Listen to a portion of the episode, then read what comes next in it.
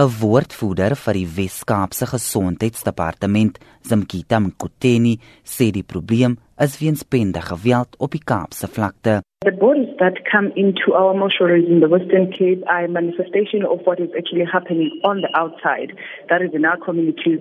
There is quite a, a lot of uh, gang violence in the Western Cape, especially in the last couple of weeks. There have been a lot of people that have been killed through gang violence. And so that is the main reason why there is a backlog in our mortuaries. Lyk sy sin Tygerberg en Soutrivier ervaar veral 'n groot agterstand in nadoetsondersoeke.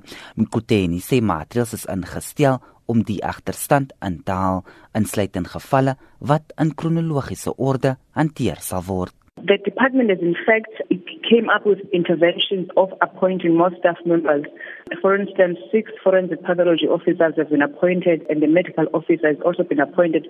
So those are seven um, specialist staff members that have been hired to ensure that the backlog is in fact being addressed. Mkuteni sê familielede van oorledenes kan nie lyk sy se kontak We are in fact communicating with the families of the bodies that are inside our facilities on a daily basis. So the families are kept up to breast as to what is happening.